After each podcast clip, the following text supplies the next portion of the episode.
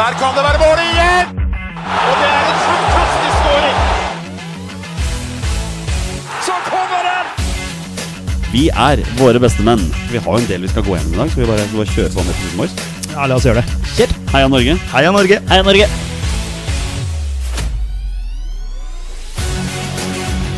Takk, Ole Gunnar Solskjær!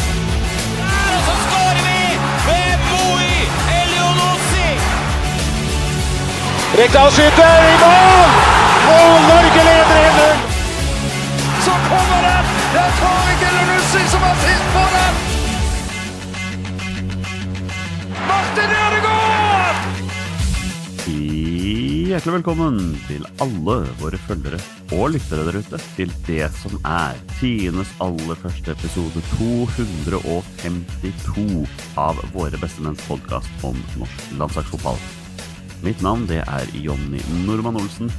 Med meg i det interaktive Bestemenn-studios i dag har jeg hverdagshelten fra Bogerud, Petter Hermansen. Hei sann, Olsen.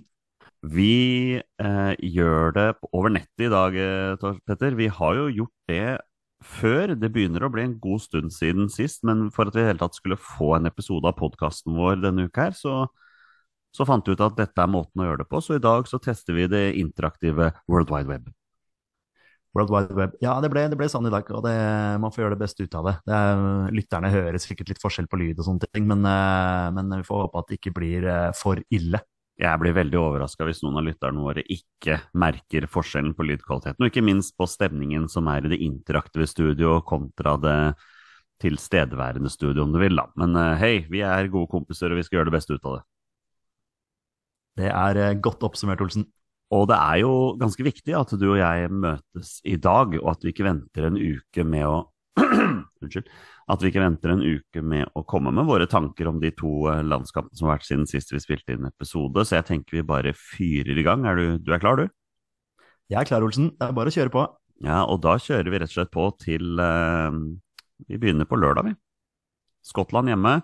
Vi, du, jeg og Rabagassen fra Raufoss, startet det hele med en eh, herlig eh, sosial sammenkomst her hos meg før vi eh, kjørte bort til Nydalen, parkerte der, og tok T-banen til Ullevål for å bli servert. Det jeg har skrevet her, var en traurig førsteomgang, eh, hvor Skottland veldig virket helt uten interesse for å angripe, men de møtte jo da et Norge-lag som manglet bevegelse, manglet kreativitet og manglet engasjement. Det er det jeg har skrevet. Eh, Er du veldig uenig i min, eh, min vurdering av første omgang?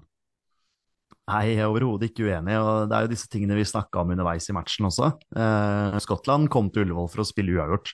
De, eh, de kom derfra, de, de kom dit for å, for å få med seg et poeng, og, og sånn så jo kampen ut også. Eh, Norge klarte ikke, vi klarte ikke å skape noen ting. Det var, ja, som du sier, lite bevegelse, eh, lite sprut i beina. Eh, Sørloth har en ganske stor mulighet i første omgang, som han header, eh, header rett på keeper. Utenom det så, så er det tamt, altså. Eh, og en, eh, ja, en svak førsteomgang. Mye feilpasninger i oppspillsfasen eh, fra Strandberg og Østegård sentralt der. Eh, fikk noen brudd imot, men, men skottene var jo, som du sier, ikke interessert i å angripe. Så det Nei, det var en eh, fryktelig, fryktelig kjedelig og dårlig første omgang. Og det var litt sånn som vi satt og snakket om på tribunen òg, Dette Skottland-laget var jo ikke spesielt bra. Dette er et lag vi, jeg mener vi skal slå, og da er det ekstra kjipt at liksom vi ser et veldig uinspirert lag i første gang. Men, men det er jo åpenbart at den varmen som var klokka seks på den lørdagen også må ha spilt inn, for det var jo dritvarmt, vi må være så ærlige å si det. Ja, det, det, det kokte i, eh, både på tribunen. Det var bra kok på tribunen, altså bra stemning. Det må, det må sies at eh, Oljeberget der nede skapte, skapte bra trøkk og, og, og fikk med seg hele stadion til tider, så det, det er morsomt. Eh, Men ja, det kokte ute på banen også med tanke på den, den varmen. Det, er, det blir intenst når man, når man skal løpe i den varmen, så det, det skjønner jeg. Men det, det er likt for begge lag, så, så, så like, like forutsetninger sånn sett. Jo da, for all del. Jeg bruker ikke været som en unnskyldning, selv om noen andre har lyst til å gjøre det. Um, andre omgang starter jo mye mye bedre, og her ser man at det har vært en peptalk, og vi, vi produserer lite grann, og så får vi da denne straffen. og um, For oss som satt på kortsida på motsatt ende, selv vi som satt der, så vel at det nesten så ut som en grei straffe, og det fikk vi bekrefta på reprisen. Peder. Vi fikk bekrefta, og du fikk vel også melding fra broren din om at uh, det var helt uh, korrekt straffe. Så det er liksom fint å ha folk som sitter hjemme i stua og kan få uh, x antall repriser, sånn at vi, vi får bekrefta våre mistanker. Men det var jo fint, det, da, så vi slapp noen sånn var-piss med at den straffa ble, ble tatt bort, i hvert fall. Shout-out til Thomas Follerås, min egen personlige var i den situasjonen der. Det som Jeg også sett jo selvfølgelig Erling Braut Haaland den straffen, han bommer nesten aldri på straffe. Eh, det som dog eh, frustrerte meg litt, Petter, det var at øyeblikkelig det vi tar ledelsen, så opplever jeg at vi begynner å legge oss litt bakpå. At, Skottland, at vi på en måte inviterer Skottland litt inn i kampen. og De skaper jo ikke veldig mye, men de har plutselig mye mer ball og er liksom mer framoverretta enn de har vært tidligere. og jeg tenkte liksom, Var dette nødvendig, at vi skulle ha den perioden der med at vi la oss bakpå? Nei, altså, det er jo som du sier, at vi i andre omgang tar vi jo tak, mye mer tak i kampen.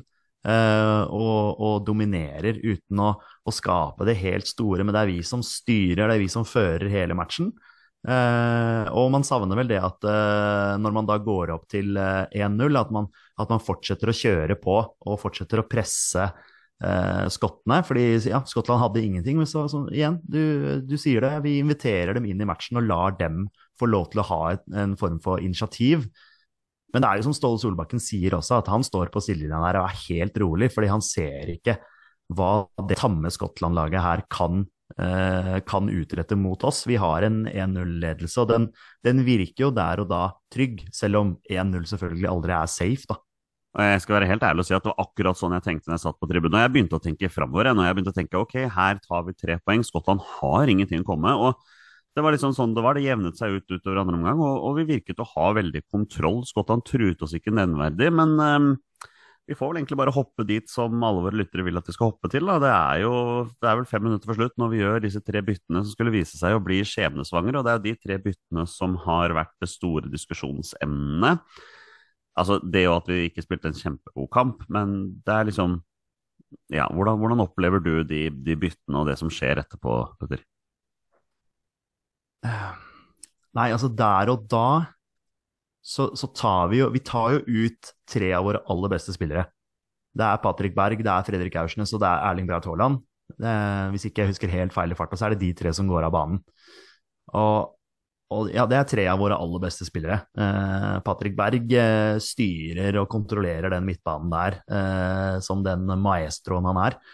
Eh, så er jo, det er jo synd å ta av de spillerne. Eh, og det kom jo fram i ettertid også at eh, John McGinn på, på Skottland uttalte at skottene fikk en boost av at Braut Haaland gikk av banen. fordi da slapp de å forholde seg til angrepsspillet til Norge, kan du si. Jørgen Strand Larsen kommer vel inn der. og ikke, til, eh, ikke, noe vondt mot han, men, men han, han, når jo ikke Braut Haaland til uh, anklene. sant? Altså, han er jo en helt annen type spiller, og en spiller som Skottland ikke trenger å forholde seg til på samme måte. Så der, der mister jo vi en trussel.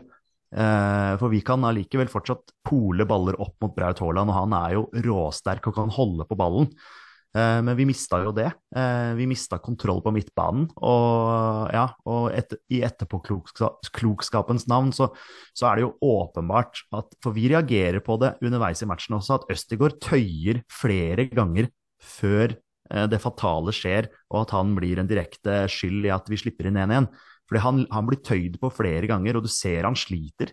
Og, og hvis det da stemmer at han har sagt, tre-fire ganger at han må, han må gå av, så er det jo det som er det store her, at han ikke har blitt tatt av banen. fordi det, blir, eh, det er det som blir eh, avgjørende i den matchen her. Det er jo det som er så innmari Det er det som skaper så veldig frustrasjon etter kampen òg. Vi kan jo bare ta det og så vi er ferdig med det. Vi, Skottland utlignet til 1-1 i 87. minutt etter en gedigen forsvarstabbe av Leo Schiri Østegård. Uansett hvordan du vrir og vender på det, uansett hvor sliten han var, uansett hvor mye kramper han har, det er en kjempetabbe. og da sprekker vi helt opp, for bare ett eller to minutter etterpå så går jo Skottland opp i, i 2-1. Og det, det, føles liksom så totalt ut av ingenting, og det føltes som om vi liksom kastet bort alt. Vi har kasta bort på en måte hele EM-kvaliken på de fatale minuttene der. Da, det, da forstår jeg veldig mye av den frustrasjonen som kommer på sosiale medier, fra meg selv inkludert. Um, etter kampen der, hvor veldig mye frustrasjon legges utover Ståle Solbakken. En del frustrasjon utover Leo Skier Østegård, stakkar. Eh, en del frustrasjon utover laget totalt sett. For det har jo også vært en diskusjon om kvaliteten på laget. Og jeg har også vært med å bidra i den diskusjonen der. Men um, ja, vi Som du sier, i etterpå, etterpåklokskapens navn, det er et vanskelig ord å uttale, altså. Um, så ser man jo at de byttene ble skjebnesvaret. Men, men, kunne de vært unngått, Petter? Altså Måtte vi gjøre de byttene? Og hvis vi måtte gjøre byttene, hvorfor gjøre alle tre byttene på en gang? Burde ikke de byttene blitt uh, spredd litt mer utover? Ja, nå husker ikke jeg hvor mange byttesekvenser vi hadde igjen på det tidspunktet der, men uh, for man kan vel uh, Hvor mange byttesekvenser Man har tre byttesekvenser, men man kan bytte fem? Er det sånn, er det, ja, sånn det funker? Man kan det, bytte fem spillere? Det stemmer. Du kan jo ha fire byttesekvenser hvis du gjør et bytte i pausen. Ja, riktig, riktig, for da kan, du, da kan, du, ha tre til. Men poenget mitt var i hvert fall det at istedenfor å bytte alle de tre etter hverandre altså jeg tenker, Er det en god lagledelse her, så huker du inn informasjon fra de som er ute på banen om hvor slitne de er og heller sprer de byttene mer utover, da. For, for det er som du sa, vi, vi, ga jo bort alt initiativ når vi gjorde de tre byttene. Ja, vi gjorde det. Og da, da virka det som eh, Ja, Skottland eh, ja, Jeg vet ikke om de fikk mer trua på det, men, men for å ta de byttene, da nå, Det er jo ting som har kommet fram i ettertid, at Aursnes har jo sagt at han kunne fullført kampen. Eh, Patrick Berg eh, sa at han hadde én spurt igjen, eh, og da var han ferdig. Så, så den er jo grei. Og, og Braut Haaland har sagt at han var helt ferdig, så han måtte av. Så du, du kunne stått igjen med Aursnes. Det er ikke sikkert at det hadde utgjort noen forskjell, men uansett med de byttene der, det, det er én ting som skjer, og det er at Østegård får krampe i begge beina. Eh, det er jo han som åpenbart skulle vært tatt av. For da får du inn en midtstopper der sammen med Strandberg, så, så, så skjer jo ikke den 1-1. Altså det, det, er, helt ufarlig. Det er en ball som, som er helt ufarlig. Det er, det er, ikke en sjanse, det er ingenting. Og så skjer det som skjer, og Dykes eh, får, eh, får poka ballen inn i, bak Nyland. Så, så det er jo akkurat det som er dårlig ledelse fra benken. Hvis det da stemmer at Østegård har sagt x antall ganger at han må av, han, har, han sliter med krampe, han sliter, uh, og at man allikevel står med han. Det er jo det som da, da spiller, Det spiller ingen rolle om vi har tatt av Braut Haaland, tatt av uh, Berg og Aursnes. Det er Østegård som skulle vært av banen. Så, og igjen, vi, vi, så det fra tribunene. Han sleit. Han sleit flere ganger. Han måtte tøye flere ganger. Og da, det er liksom åpenbart at det er der feilen er fullstendig useriøs fra min side, for så vidt, men jeg mener at Lynn Dykes viser jo hvorfor sånne totale dekka halstatoveringer ikke ser pent ut på noen. Altså. Jeg tror ikke jeg kommer på noen som ser bra ut når de har hele halsen sin dekka tatoveringer. Og det kommer fra meg som har full sleeve på høyrearmen, liksom. Men det var ikke det som var poenget her. Um, vi, skal, vi, skal, snakke mer om Ståle etter at vi har gått gjennom alle kampene, men jeg tenker vi bare blir ferdig med den kampen som skjedde i går òg, da, Peder. Um, fordi du og jeg og Torstein vi var jo på Ullevål i går, og vi. Og så uh, Norge gjennomføre en, jeg vil si, en bra kamp. Uh, vi burde skåret mye mer enn de tre målene vi gjorde, og det er også noe som vi kommer til litt seinere her, men vi vinner 3-1. Det, det, blir, blir 3-1 der, Ik ikke 3-0, fordi uh, de skårer selvfølgelig på den eneste målsjansen de har, um, og det er det siste som skjer i kampen. og det irriterte meg, vet du. Det irriterte meg grenseløst, den baklengsskåringen. Ja, men det, jeg syns det summerer opp den kvaliken her, egentlig. Eh, vi slipper inn for mye mål på få sjanser, og så scorer vi for lite mål på veldig mange sjanser. Altså, vi skaper jo mye. Hvis du tar liksom kamp for kamp borte mot Spania, f.eks. Altså, vi, vi skaper jo masse sjanser, Uh, Sørloth der, f.eks. Aursnes i første omgang. Sørloth uh, med skudd uh, utenfor, fortsatt på 1-0 til Spania da. Georgia borte, Aursnes over på åpent mål, Martin Ødegaard over på åpent mål. Altså, du, det, er, det, er, veldig lett å slakte Ståle Solbakken for det ene og det andre, men det er klart at hvis du, hvis du, hvis du ser bak resultatene, det er klart at vi skulle, vi skulle scora flere mål, og vi skulle sluppet inn mindre. Altså, vi, vi slipper jo inn på altså Skottland også. Skottland, hva er det de har for noe? Har de to sjanser? Og score på, score på begge. Så, så det, er jo, det, er jo, der vi sliter. Det er jo defensiven vi sliter på, og det går jo på en, kanskje på en keeper som, som ikke har en, en kamphverdag. Eh, vi har en, en, midtstopper som ikke har kamper. Vi har en annen midtstopper som, som spiller, på, spiller for et dårlig Vålerenga-lag. Så, så, det er klart at det er der vi, er der vi sliter, eh, primært. Og så selvfølgelig sliter vi eh, offensivt også fordi vi, vi ikke scorer nok på, på, de ganske store sjansene vi skaper i hele, hele kvaliken.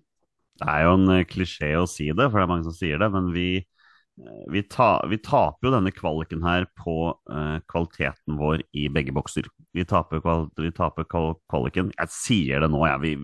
Jeg tror ikke vi Det ser vanskelig ut å nå EM via den ordinære kvaliken. og og det skjer fordi vi brenner for mange sjanser eh, for å skåre mål, og vi eh, slipper inn for mange mål i forhold til antall sjanser vi får imot bak. For midtbanekrigen den føler jeg vi har vunnet i alle fire kampene vi har spilt hittil. Men da er det jo ekstra surt at vi liksom står her med fire poeng da, av eh, av tolv mulige. Altså, det er helt absurd å se at Skottland ligger på topp med tolv poeng av tolv mulige, liksom.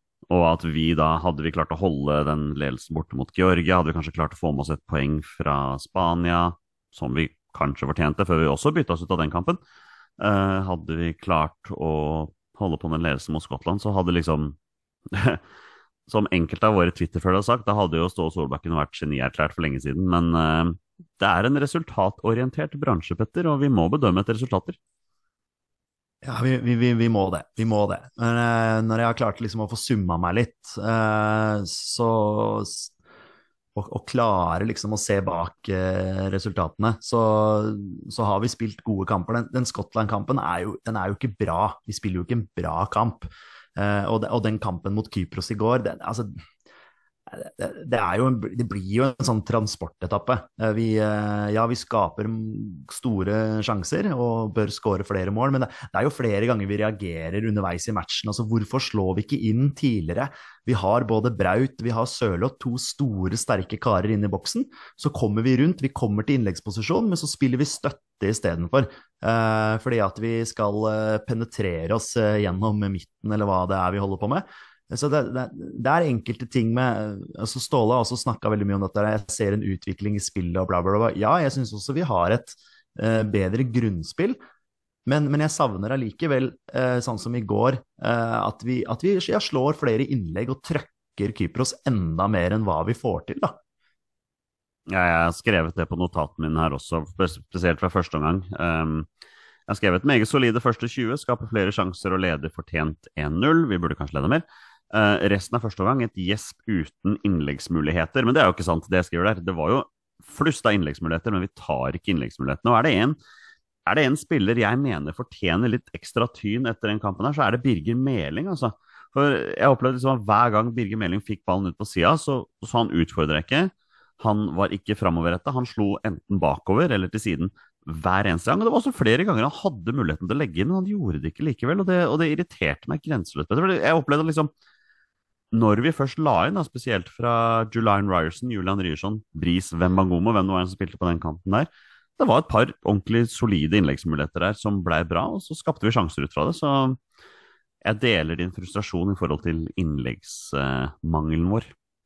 Ja, ja, så er det, det, er en kunst å spille mot uh, etablert, for det er vanskelig. Klart Kypros uh, legger seg jo bakpå, selvfølgelig gjør de det, men de har jo ikke uh, nok kvalitet til å stå imot. Men men det er, det er, jo ikke det at man, man nødvendigvis scorer på hvert eneste innlegg, men du, men du, får, liksom, du får, et trøkk i boksen, og, og ballen kan havne ut i, et, ut i returrommet, og det kan komme et ettertrykk der. Da. Så det er liksom bare det med å, ja, med å skape et trykk uh, så, som, som, jeg, som jeg savna i den matchen i går. Og så kan det selvfølgelig være etter hvert som kampen går, man får ledelsen der, man, man, man, man går opp til 2-0, og man man, man, tar det litt uh, piano. Uh, man, man, man, merker vel utpå der at man har full kontroll, og at, uh, at, seieren er i boks, og at man møter jo et, et, ja, det svakeste laget i gruppa, vel. Så, så, så, det er sikkert mange sånne faktorer som spiller inn, men, men jeg har savna mer, savna mer trøkk i boksen. Når vi både spiller med Braut og Sørloth, så, så, må vi, må vi komme til flere innlegg enn hva vi gjorde. Ja, og så er det da en periode i andre omgang der som avgjør kampen. Vi skårer to mål nesten litt ut, egentlig. Den straffen um, Jeg har skjønt at den var helt grei. Det var, så, var, ikke så, mye å si der. Det var grei straffe, og Braut Haaland setter jo som sagt alle straffer. Og så får han endelig et flott gjennomspill fra Martin Ødegaard, og så dytter han ballen enkelt inn der. Um, jeg har også skrevet her, veldig gøy med debutanter. Uh, Bris Magomo fikk en halvtime i den kampen her. Det syns jeg var veldig morsomt. Han burde jo scora! Altså, han står jo på fem meter helt aleine, han.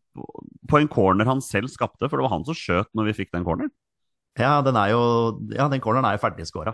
Så han eh, ja, bommer vel rett og slett på ballen. Så det, det, var synd. Det har vært kult. Han hadde et uh, friskt uh, innhopp, han, så det var veldig veldig gøy. Vi, vi spådde vel før samlingen også at han var den av debutantene som skulle få mest spilletid, så, så der får vi, får vi, klappe oss litt på, på skulderen da, og si at der, der traff vi blink. Og så var det jo veldig gøy da at Bård Finne og Kristoffer Welle fikk debutene sine i går. Men det, er for kort tid. De, de får liksom fem minutter hver. og det er klart at uh, Bård Finne er jo bare centimeter under å faktisk score i landslagsdebuten sin. Det ender isteden med gult kort og slakting av motstanderens keeper, liksom der. Men uh, vi, vi, satt liksom venta på når skal du gjøre disse byttene som, som, jeg føler liksom vi trengte for å få litt boost på tribunene, og, og, så får vi dem jo. Og som du ser, med en gang Bård Finne kommer inn der, så er han jo i allerede mye mer bevegelse enn det Erling Braut Haaland var. Så, så, gøy med debutanter, men de skulle hatt litt mer tid. Ja, helt enig. Man får ikke utretta så veldig mye på fem minutter. Jeg tror Braut, eh, sånn som vi kjenner Braut, så tror jeg han ble stående på banen lenger, for han skulle prøve å gå for det hat tricket. Han uh, elsker hat trick, uh, og det, det, er vel sikkert det som er greia der. Men jeg syns jo litt synd på de debutantene der, da. Velde å finne at ikke de fikk, fikk mer tid. Men du ser Finne med en gang. Vi kommenterte det underveis. Det er gøy å se på bevegelsene til Finne.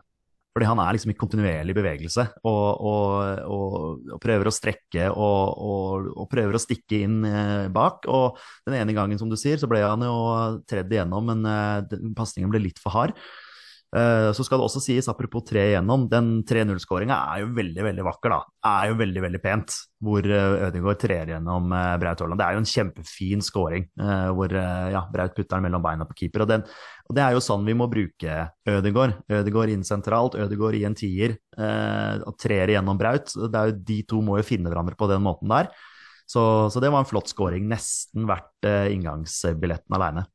Ja, da var det lett å reise seg og applaudere for den skåringa. Klassisk Braut Haaland, egentlig.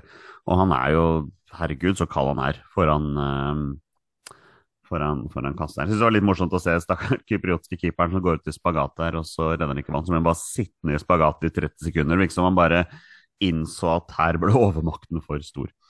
Uh, det var litt morsomt der og da. Ok. Um, vi må snakke om Ståle. Vi må, vi må, komme med en liten, uh, liten uh, dom på hans uh, kvalik foreløpig. Og da er det jo veldig lett å gå til en av våre faste lyttere, da, Olai Årdal, som vi hadde en aldri så liten Twitter-feide med denne, denne, helgen der. Han lurer på hva er poenget med at store deler av Twitter vil ha Ståle ut bare pga. at Leo var uheldig mot Skottland. Uh, spilte godt mot Spania, var best mot Georgia og helt OK mot Spania. Han har sagt Spania to ganger her, jeg regner med at det var Skottland han mente der. Um, jeg har mine tanker, uh, Petter. Hva er uh, hva er dine tanker om Ståle etter disse fire landskampene i år? Jeg, jeg, tror veldig mye av irritasjonen går også på denne kontraktsforlengelsen. Jeg tror det er mye av det som sitter igjen i bakhodet på folk også, at uh, han har jo ikke levert noe som helst. Uh, og så fikk han en uh, kontraktsforlengelse. Jeg tror folk liksom blir litt irritert på det også, og da er det lett å, å sage. Um, det, vi, vi, lever i en altså, All fotball er resultat, eh, en resultatbransje. Det er svart-hvitt. Vi, eh, vi, står med de poengene vi står med. Så kan man si at ja, vi burde hatt Og Ketzbaya hadde vel sagt i går også at det er et mirakel at Norge ikke har eh, flere poeng enn det vi har. Men vi har de poengene vi har, og det har vært, det poengmessig har det vært altfor, altfor dårlig. Men, men, jeg klarer allikevel å se eh, bak eh, resultatene og ser at vi har en stigning i spillet vårt. Uh, selv om det gikk litt ned igjen mot Skottland. Og, og, og, den kampen i går var jo, ikke, var jo heller ikke blendende, men, men, men, det er en sånn kamp hvor, hvor vi ja, nesten kunne brukt uh, de, uh, x antall som er på benken, og allikevel vunnet kampen. At man starta med, med benkespillerne og likevel vunnet kampen. Så, så, så den, den, legger jeg ikke så veldig mye i, sånn sett. Den, den skal vinnes 100 av 100 ganger. men, men Nei, jeg, jeg, ser heller ikke Altså, vi har fortsatt en mulighet til å kvalifisere oss til EM. Det har vi faktisk via vår, vår kjære Nations League. Så, så, vi kan vi får bedømme når kvaliken er over. Et, et skifte skjer ikke nå uansett, eh, og det kommer ikke til å skje. NFF har kjempetillit til Ståle Solbakken og, og, teamet hans, så jeg bruker ikke mye energi på det. Selv om han selvfølgelig har ansvaret for dette her, og han har også et ansvar for at ja, f.eks. Øst Østegård ikke ble tatt av mot uh, Skottland, sånn at vi hadde unngått det, det baklengsmålet. Du sier det jo så enkelt, Petter, at um, fotball er resultatorientert. Og er det en, del innenfor fotball som er resultatorientert, så er jo det landslagsfotball. Folk gir jo egentlig litt beng i hvordan poengene kommer når jeg snakker om landslagsfotball, så lenge poengene kommer. Og, og som du sier, altså, jeg er jo ikke uenig i det Olars sier. Ja, vi spilte bra mot Spania, ja, vi var best mot Georgia, og vi var helt ok mot Skottland, men på de kampene så står vi igjen med ett poeng. Og, og, da er det jo så enkelt som at han må bedømmes på de resultatene han har fått. Og han har vært eh, landslagssjef i eh, er det, det er snart to og et halvt år. Det var vel i desember 2020 han, eh, Lars Lagerbäck fikk fyken og vi henta inn Ståle. Var det ikke det? Eller var det i 2021? Ja. Uansett, da. Han har uh, foreløpig ikke, ikke gjort uh, jobben resultatmessig. Ja, uansett når, når, han kom inn, så, så, er det basert på resultater. Og det er også derfor jeg skal være ærlig og si at jeg har mista litt trua på han nå. Um, jeg var nok litt for, litt for overdreven i mine uttalelser i helga, men, men jeg, jeg, står på det jeg sier, at jeg tror ikke Ståle Solbakken er den rette mannen til å lede oss til mesterskap. Hvis uh, han uh, gjør det via Nation League, så spiser jeg gladelig ordene mine, fordi jeg vil gjerne se Norge i mesterskap. Men det du sier, vi taper kampen i begge bokser. Um, og det er jo spillerne som skal gjøre dette her, men det er også en mann som leder dette landslaget, som har som er den som liksom har, har ansvaret for disse resultatene. Og når, eh, når Ståle ikke leverer der, så, så blir det vanskelig. Um, vi har fått spørsmål fra John Magnus. Han syns det var et merkelig intervju etter kamp fra Ståle. Trekker fram god respons fra laget til 3-1 over Kypros.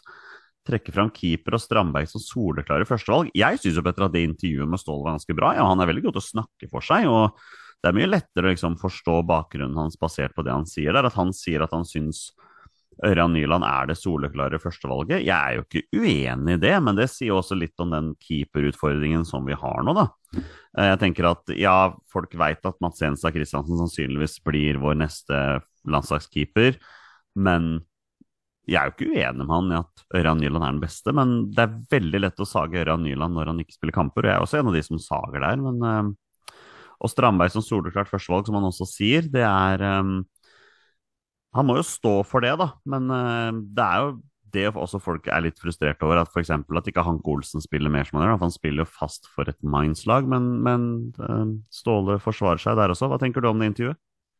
Jeg syns også det var et veldig bra intervju. Som du sier, Ståle han har snakketøy i orden. Det, det er det ikke noe tvil om. Og, og han er helt, helt sikkert en, eh, ja, en flink coach. Um, ja, mislyktes i Köln, mislyktes i Wolves. Um, har vel egentlig bare FCK, hvor han også har blitt eh, pælma ut eh, fra.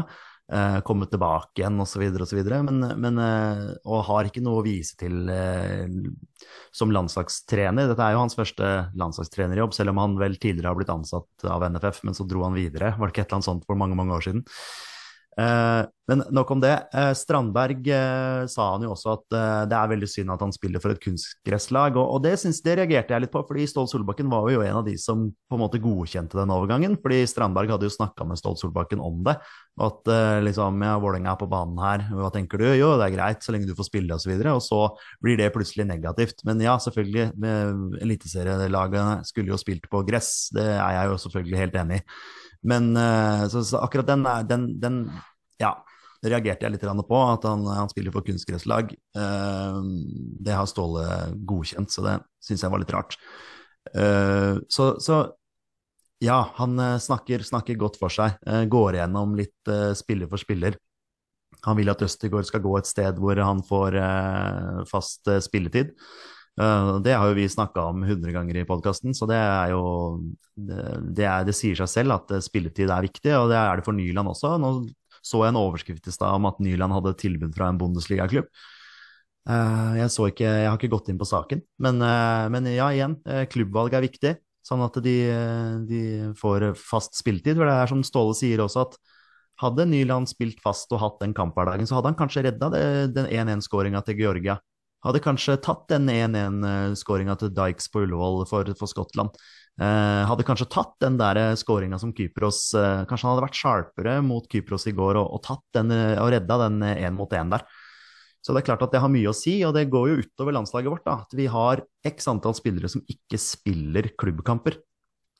Kan bare nevne at vi har fått spørsmål fra Alexander Vale. Jeg lurer også på hvor bør Østegård og Nyland gå for å spille fast. Og jeg tenker at uh, Østergaard går ingen steder. Han er nettopp seriemester i Serie A, så han skal tenke å prøve å få spille mer der det året som kommer. Og kanskje han trengte et år for å akklimatisere seg litt. Uh, når det gjelder Nyland, jeg driter i hvor Nyland går, så lenge det er på et høyt nok nivå, og fordi han endelig i sin klubbkarriere omsider tar et valg som gjør at han blir førstekeeper. Gå til en klubb som ikke har noen keepere tilgjengelig akkurat nå, så det er bankers at du blir førstekeeper. Jeg orker ikke mer benk fra den greia der, altså. Um, Nils lurer på hvorfor er ikke media kritiske til Solbakken? Sånn er det når kompiser skal intervjue kompiser, og det har vi jo snakket om før. Um, jeg hører på, jeg hører på B-laget. Jeg syns B-laget er kjempegøy, jeg syns det er veldig underholdende, men jeg syns det blir litt søkt når disse folka som leverer humor og underholdning, skal prøve å være seriøse med folk de har levert humor og underholdning med, bl.a. Ståle Solbakken, som har gjort før. Og jeg føler ikke at de stiller de rette spørsmålene. Men jeg er jo ikke den eneste der. Du ser det er mange på Twitter som reagerer på det samme, og det, det gjør kanskje du også, Petter? Ja, jeg gjør det. Jeg gjør det. Det er klart det. Um, jeg syns uh, Solveig Gulbrandsen uh, var fin etter Skottland-kampen der. Uh, ikke mot Ståle, da, men bare sånn generell oppsummering av kampen. Morten Langli også. så nei, de der intervjuene blir nok litt for mye sånn kompis innimellom. Jeg er enig i det, altså. Så, men ja. Det er ja, jeg, jeg, er ingen journalist, så jeg har ikke, noe, har ikke noe fasit på det der. Nei, vi er bare amatører. De glade amatører sånn så fint heter. Uh, Andreas Hansen lurer på finnes det et eneste godt argument for at Nyland skal stå for landslaget. Det var jo det Ståle sa, han er den beste norske keeperen. Um, om han er så mye bedre enn uh, f.eks. Vel, nå har jo han lagt opp landslaget, men si André Hansen, da. Om han er så mye bedre enn si Egil Selvik, som har gjort det bra i Eliteserien, sånne ting. Det får så være, men det er noe med den internasjonale erfaringen du har, og den rutinen du har, og sånne ting også. Vi har vært igjennom det før. Um, Lars Andreas Hagseth, hva er deres tanker om at folk hyllet avgjørelsen om å bruke Strandberg som forsvarssjef når han ikke var i tropp i Salernitana, men slakter avgjørelsen å bruke han nå når han faktisk spiller i Vålerenga? Og da må vi jo et år tilbake i tid. Da var jo Stefan Strandberg veldig god i de fire, land, de fire Nations League-kampene vi spilte i juni i fjor, og da spilte han jo nesten ikke for Salernitana, men vi er litt tilbake på det vi sa, Petter. Resultatorientert er landslagsfotballen, og den er den er her og nå. Den er ikke flere år fram i tid. Og det faktum at ja, Stefan Strandberg var veldig god for et år siden, vi ble overraska da. Det har vi sagt i poden nå. Vi var kritiske til at han skulle bli tatt ut, men han leverte varene og var veldig god der, og da var det naturlig at han fortsatte. Nå er han ikke der hvor han var for et år siden. Da er det jo helt naturlig at man stiller spørsmål selv. Ja, man må stille spørsmål ved det, og, det, og han, han, har ikke vært god for Vålerenga heller. Ikke sant? Altså Formen hans har dalt, eh, syns jeg, eh, og, og, den formen har han tatt med litt inn på landslaget. Sant? Uh, det var nesten bedre at han, uh, at han var benkespiller uh, i Italia og spilte på landslaget istedenfor å komme til Vålerenga. Og ja, nei, jeg syns han med resten av Vålerenga-laget har Eller altså ikke hele Vålerenga-laget, men, men, han har vært Jeg syns han har vært svak.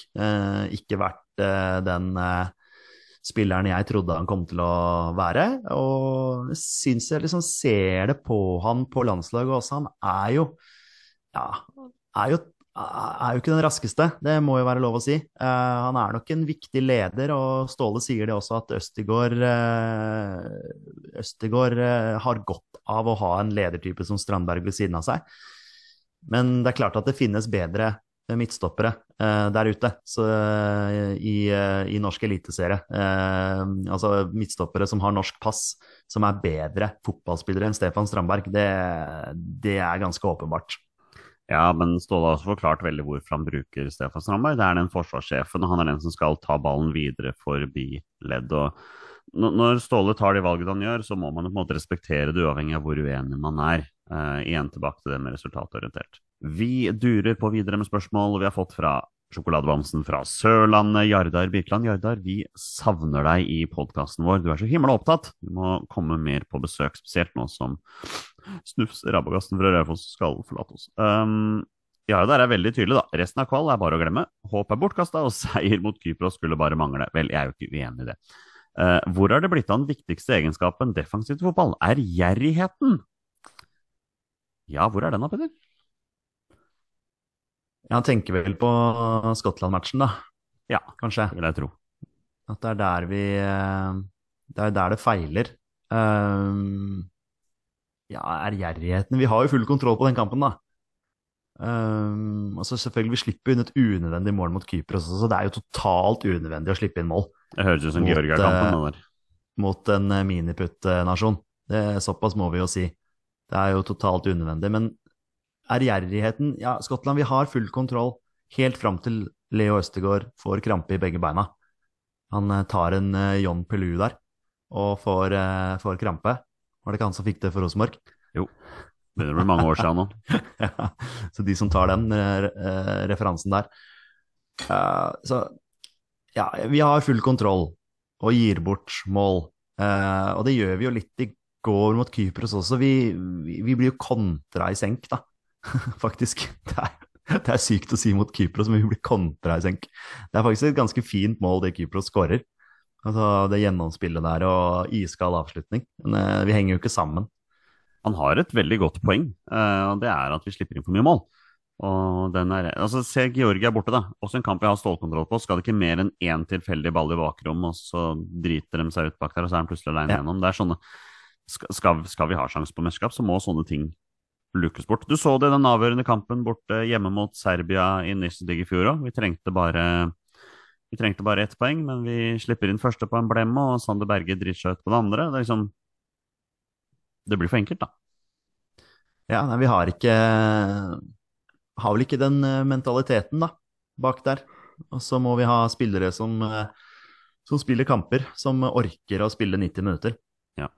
Så Eh. ja.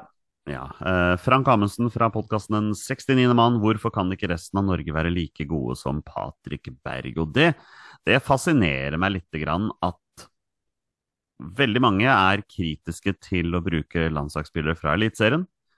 Og så har du Patrick Berg som leverer varene så til de grader i kamp etter kamp etter kamp. Og det er ikke, det ikke blendende det han gjør, det er, liksom, det er ikke noe fyrverkeri, men han er så trygg. Og han er, han er solid uten å gjøre for mye ut av seg. Og jeg skjønner innmari godt at han er en favoritt hos Ståle. Det, det gjør du òg, Petter. Ja, vi har vel sleika ræva til Patrick Berg eh, ganske lenge nå, etter at han eh, Vi har snakka mye om det å ta vare på sjansen når du spiller med flagget på brystet, og Patrick Berg gjorde det fra dag én. Eh, han spilte seg inn fra dag én da han fikk muligheten, og har bare gjort den plassen der til sin. Som du sier, han er, han er trygg, han er god, han, er, han vinner ball, han spiller ball. Gjør de trygge, rette valgene. Eh, Så han er en veldig, veldig god fotballspiller. Så eh, hvorfor kan ikke alle være like gode som han? Nei, det har vi ikke svar på, Frank. Men, eh, men det er i hvert fall en spiller å se opp til for, for yngre spillere som kommer fram også. F.eks. Ja, se Sivert Mannsverk, da. Som potensielt kanskje ville hatt en lignende rolle på landslaget. Nå ligger vel Patrick i dypt, en dyptliggende midtbanerolle der. Er det ikke det Mannsverk også ville gjort, eh, Jonny? Jo, jeg Kan tror også litt sånn dyptliggende? Ja. Jo, jeg, tror- jeg tror det. jeg, eh, Ja, nå skal ikke jeg ta på meg noen sånn ekspertrolle her, men, eh, men eh, ja, Patrick Berg er en kjempegod fotballspiller og en av, de, en av de beste som spiller med flagget på brystet. Ja, du ser jo like mye norsk fotball som meg, du òg, så det er, ikke noe, det er ikke noe vanskelig å se det. Det blir veldig spennende å se hvor Sivert Mannsverk går sannsynligvis i sommer, da. Um, Ja. Odd Arild Larsen, hvorfor har ikke Norge samme offensive tilnærming mot Skottland som mot Kypros? Vel, vi kan bare begynne med at det er kvalitetsforskjell på de to lagene. Eh, Det er en gjenganger at vi safer i de viktige kampene for ikke blottlegge oss defensivt, men det fungerer jo aldri som vi planlegger. Vi må slippe løs mot de antatt bedre motstandere også, men der lurer jeg på, Petter. Vi slipper oss ikke løs mot de antatt bedre motstandere fordi vi ikke er gode nok. Altså at vi, vi er ikke gode nok til å slippe oss løs mot lag som er mye bedre. Hva tenker du?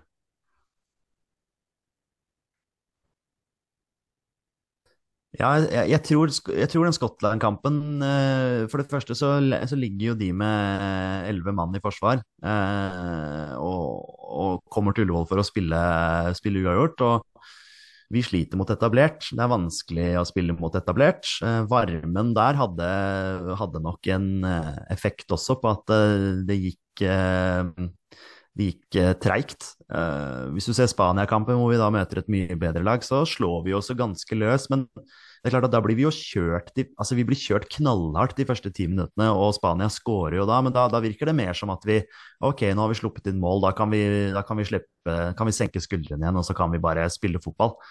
så vi viser jo at vi, at vi har det inne, men, men, eh, men, det er jo litt sånn dumt å begynne å spille fotball når man, når man ligger under da, mot, eh, mot, Spania der. Så ah, det, er, det, er, kjipt å se på den Spania-kampen, fordi der hadde vi jo selvfølgelig fortjent å skåre mål, og vi, og vi hadde kanskje muligens fortjente å ta med oss et poeng derfra. Men ja, jeg tror den Skottland-kampen, eh, der er det mange sånne faktorer som spiller inn. og Det er en resultatbransje, og vi, og vi har jo et resultat der. Vi har jo 1-0. og Hadde vi dratt fra Ullevål med den 1-0-seieren som, som, vi skal ta, så, så hadde jo folk jubla. Og yes, vi klarte det. Vi kjempa skottene i senk, og vi vant 1-0. Men så kommer den der jævla krampa. Bare ødelegger hele Jeg syns litt synd på Ståle Solbakken også, som får så mye pepper. Uh, og så er det sånne, sånne ja, tilfeldigheter som spiller inn, selv om jeg selvfølgelig gir han skylda for den, fordi han ikke bytta ut Østigård når Østigård da åpenbart hadde, hadde, problemer. Hadde vi slått Skottland, hadde vi vært to poeng bak til nå. Isteden så er vi seks poeng bak. Nei, det er vi ikke. Vi er åtte poeng bak, faktisk. Der har du den en enorme forskjellen. Sånn er, fot sånn er fotballen. Jævla fotballen. Uh, vi avslutter med siste spørsmål fra en fastlytter. Sigurd Soneforsvar. Er det et spørsmål, da? Ja, det er vel det. Mye flott angrepsspill, men vi er skjøre bakover. Er det noe feil med balansen i laget? Lagerbäck prioriterte f.eks. noen grovarbeidere på midten for økt defensiv stabilitet. Bør f.eks. Sørloth-Solbakken ofres for mer defensivt anlagte spillere? Nå har jo landslaget forandret seg en del siden Lars Lagerbäck var, var landslagssjef òg. Braut Haaland har gjort sitt uh, gjennombrudd. Sørloth er jo bedre nå enn han var under Lagerbäck. Så det er liksom om Sørloth og Solbakken skal ofres for mer defensivt anlagt spillere. Nei, det er ikke jeg enig i. Hva tenker du, Peder?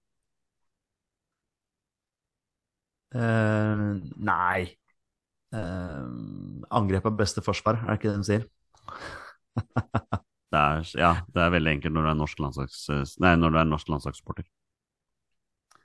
Ja, jeg, jeg, har ikke noe kjempegodt svar på det der, altså. Det er ikke jeg vet ikke, altså Ståle Solbakken sier selv at vi har kantutfordringer. og Det har vi jo snakka om her også i eh, årevis, føles det ut som. Så det er en grunn til at Sørloth blir, eh, blir, brukt ut på kanten. Ja. Uh, så ja, det er, det er, klart at vi, vi sliter der. Så det, de, alle, alle kantspillere der ute som hører på, det er fortsatt mulig å bli landslagsspiller. Og det er fortsatt mulig teoretisk sett at vi kan kvalifisere oss til EM direkte, men det er avhengig av at vi må vinne samtlige av våre fire kamper som er igjen. Er, vi må slå Spania hjemme, vi må slå Skottland borte, vi må slå Kypros borte og vi må slå Georgia hjemme. Gjør vi det, og vi får noen resultater i vår vei, så går vi til EM. Men fra spøk til alvor, Petter, EM-kvaliken er jo over. Vi, vi har ikke noe sjanse på dette her nå. Vi må satse alt på Nations League. Og skal vi komme oss til playoff i Nations League, så er vi avhengig av at 16 lag foran oss på Nations League-tabellen kvalifiserer seg direkte. Det er mulig, men eh, det er nesten det som blir mest av fokus utover høsten, da. Ja, er, eh, vi må bare fokusere på Nations League. Prøve å ta kamp for kamp i EM-kvaliken, og selvfølgelig prøve å vinne alle de. Eh, det tror jeg blir vanskelig. Så må man nesten, akkurat nå må man jo håpe at Spania går på noe bananskall. At, de, at de plutselig driter seg ut mot mot motstand de ikke skal drite seg ut mot. Så nei, jeg ser ikke helt den der at vi, at vi plutselig skal kapre en andreplass i den gruppa der. Vi, vi, må krysse det vi kan for at, uh, at vi får en playoff-mulighet via Nations League, altså. Yes, og med det, kjære lyttere, er det på tide å avslutte dagens episode. Det blir ikke noen 20 spørsmål denne gangen. Vi er rett og slett litt for skuffa, og vi, vi sparer oss til neste uke, Petter, for da er det Rabagassen fra Raufoss sin siste foreløpig opptreden her i Våre bestemenns podkast. Da skal vi avslutte med stil på tirsdag. Det grugleder vi oss til, kjenner jeg. Det kommer til å bli litt rart å gå inn i en sommer vel vitende om at Rabagasta takket for seg og flytta til Innlandet. Den dusten. Ja, sånn er det, vet du. Dette, dette er livet. Det er eh, tar eh, tar noen uante veier innimellom. Så, så sånn er det. Vi, vi, får gjøre det beste ut av siste episode og, uh, sammen, med, sammen med Rabagasten. Eller siste episode for nå, som du sier. Det er ikke han, eh, vi klarer nok å spille inn noen episoder med han i fremtiden også. Han kommer tilbake på besøk. Han kan jo prøve seg å bli værende der ute. Han skal innover til Oslo-området og være med gjest noen ganger, han også. Sånn er det. Eh, tusen takk til alle dere som hører på. Dere er fantastiske mennesker. Vi er våre beste menn. Heia Norge. Heia Norge. Og hei. hei.